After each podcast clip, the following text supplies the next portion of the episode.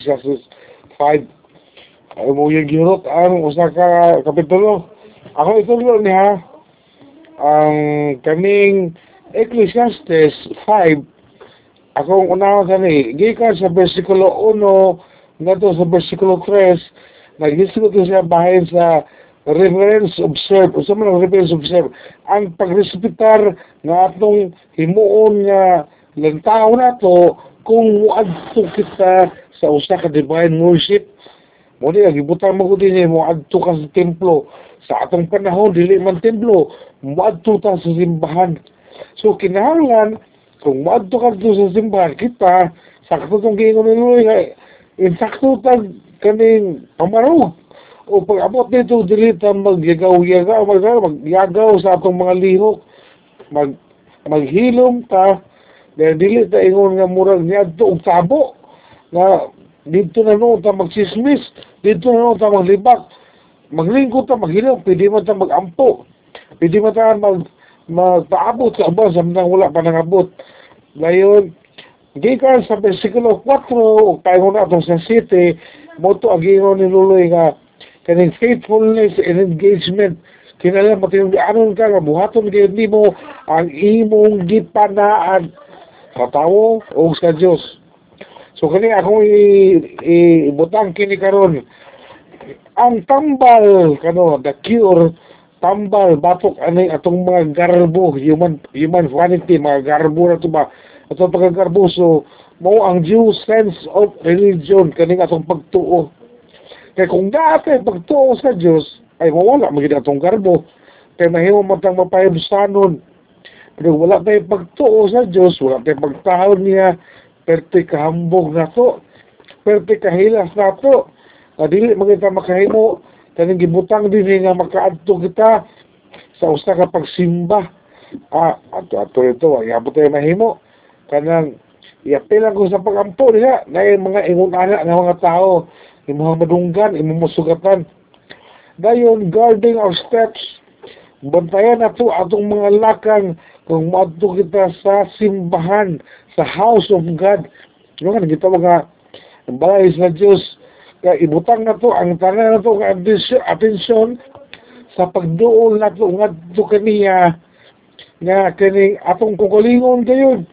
Dili kay muadto kita dito kay kunuhay, na atay gisakripisyo, o gisulta na yung luloy, simba ko kay, napalalaginan ko, simba ko kay, puno-puno ang akong mga nadawat na mga kani paninguan karon kana ang imong approach bantayan nimo nga dili ingon ana ang motibo.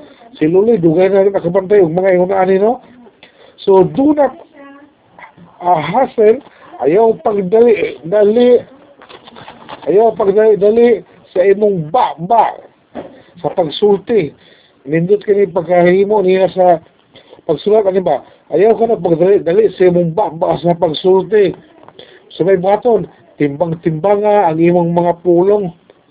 Pagkahuman, batia, kanang i-feel mo ba? Batia pag ayo, unsa kalalom, ang imong isulti. Dayon, huna-hunaan siya, og dako, sa dili, ba mo isulti? Og inisulti ni mo mga isuon, gamay ra isulti. Aya pag pagarpar, kataas kang isulti. No, kana sa versikulo 2 ba na? Una-una, una, sa dili, pagka musulti, kuya paghimog, mga dinalian nga mga panaat sa Diyos. Kaya ato asa langit ang Diyos, ug ani ang kasayuta, busa, ayaw pagpatuyan og sulti. Kanina pag musa ato sa Diyos, maningil ra ba ang Diyos niya na. O kana bitang, na example, labay, labay ka ng imong amigo, silingan, atong simbahan. Brad, simba ka Brad. Ah, kapay mo siya, mo ka Elis. Oh, simba ko, totoo, apas ko. Unya, wakas kami apas. Kaya na kasi giadto nga laing lugar, laing kahilayan. Ang iyang ipag-ingon kanimo nga apas ko, mo simba ko, dili na iyang saan nimo. Saad niya sa Ginoo. Pero wala man siya miadto sa simbahan. Ang Diyos na mo paningil anak niya. So dili ka, bisan kita Kristiyano, dili ta magpasagad og gina. Oh, oh simba lang kita ugma. Pagka ugma kay ulan man. Wala, ulan, ulan, mga basa na. Dili lang sa tingali tamat to. Uya, imo na nang gibungat. Simba ta uma. Nyawa ka ni Simba. Saan na ni mo sa ginoo. Paninglan ka na sa ginoo. Dili na siya magpanuko. Sa pagpaningil ka na to. Ang tao, pwede naman tapaseloon. Pero ang Diyos, dili. Maningil gina siya. Nakadang siya Ecclesiastes. Nakalimot ko asa ang bersikulo. So, example, na sa panahon nga kita gaisod, no? In times of difficulty, gaisod, dagha mga problema, lisod at palit tingali og bugas sudan. Bisag unsa dira, no? Bisag og bitsin tingali, sa kapalit. Kanang kita nga mga tao, bisag kita nga mga Kristohanon, kanang naatay tendency ba nga mustaad ka, labi na magsakit mo daw, magstaad na sa ginoo nga, Lord, kung imo lang gikong ayuhon, gikan ani Lord, patindugon ko niyong balik, tagaan ko niyong kahimsog, kapiskay, nga ako makahimo og balik sa ako ang trabaho. Aw, kada Domingo ko mo simba Lord. Dahil pagkatuon ko ni mo Lord, ataga ati ka gatunga sa akong kwarta. Pero, kasagaran ba, generally, kasagaran, makalimot sa gisaad.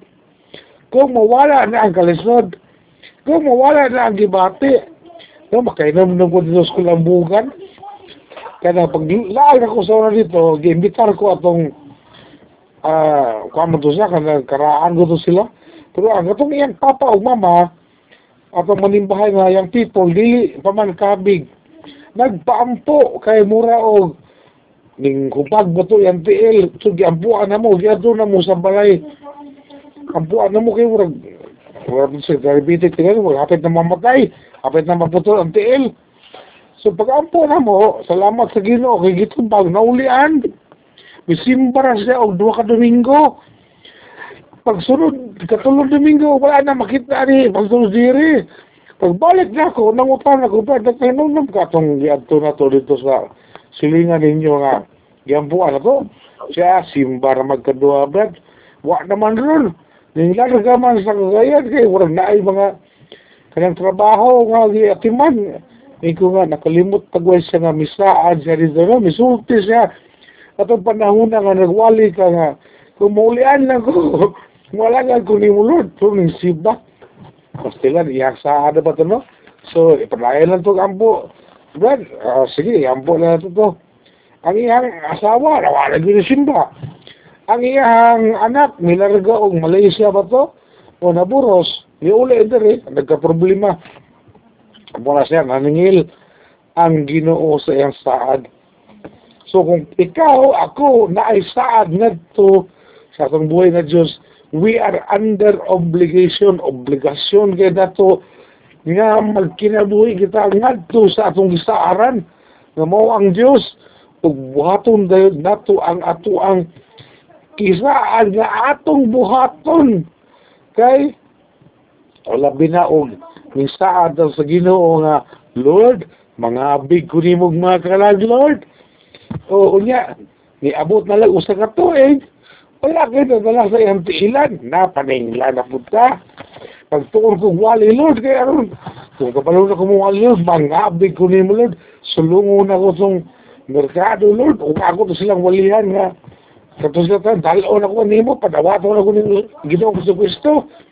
Pero, nagmarso na lang sunod tuig, wala ka na dala. Kay, imo ramang saan siya. Kalimot ko na, ah, mana, manhil ang Ginoo na isuon. So, ayaw na lang dali sa umungat. Mga, mga nga nagtatang nga Lord, tabangi ako nga, sa imong balang spirito nga, ipadumdum ako nining tao nga akong sultian. Kanang imong siging mahimamat ka, siging imong ma maistorya, makasakay sa usa ba, pwede mo na, ayaw na lang pag saan nga musulong ka atong dapita.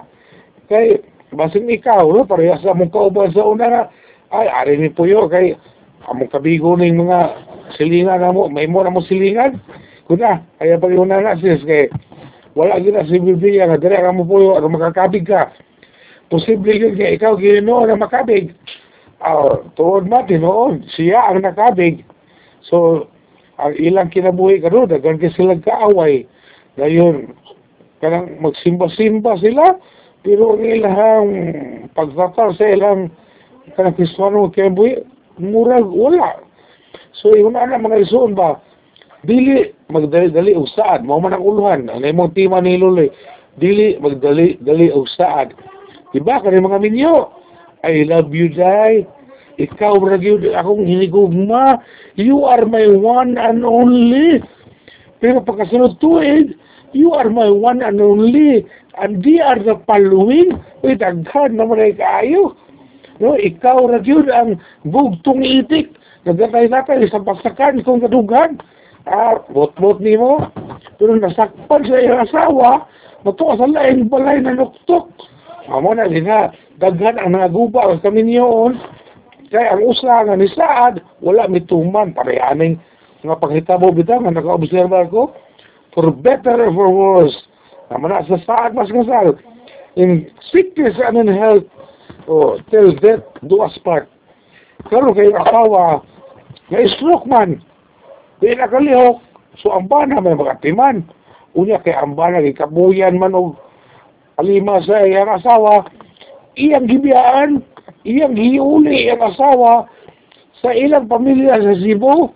Taghuman miuli ni sa Osamis kay aron di na siya ka alima sa asawa.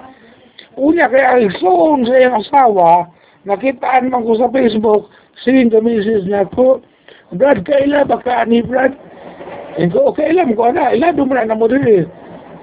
Eh, na ko siya, kanong iyang gibiyaan rin ang asawa. Eh, ko na, kanang dili ko manggilabot ang kay di man pula na ko asawa. Siya may kuntaka.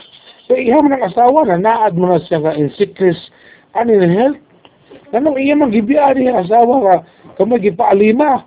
Ug tuod man, kaluoy sa Diyos, ikuha na lang sa ginoo yung asawa.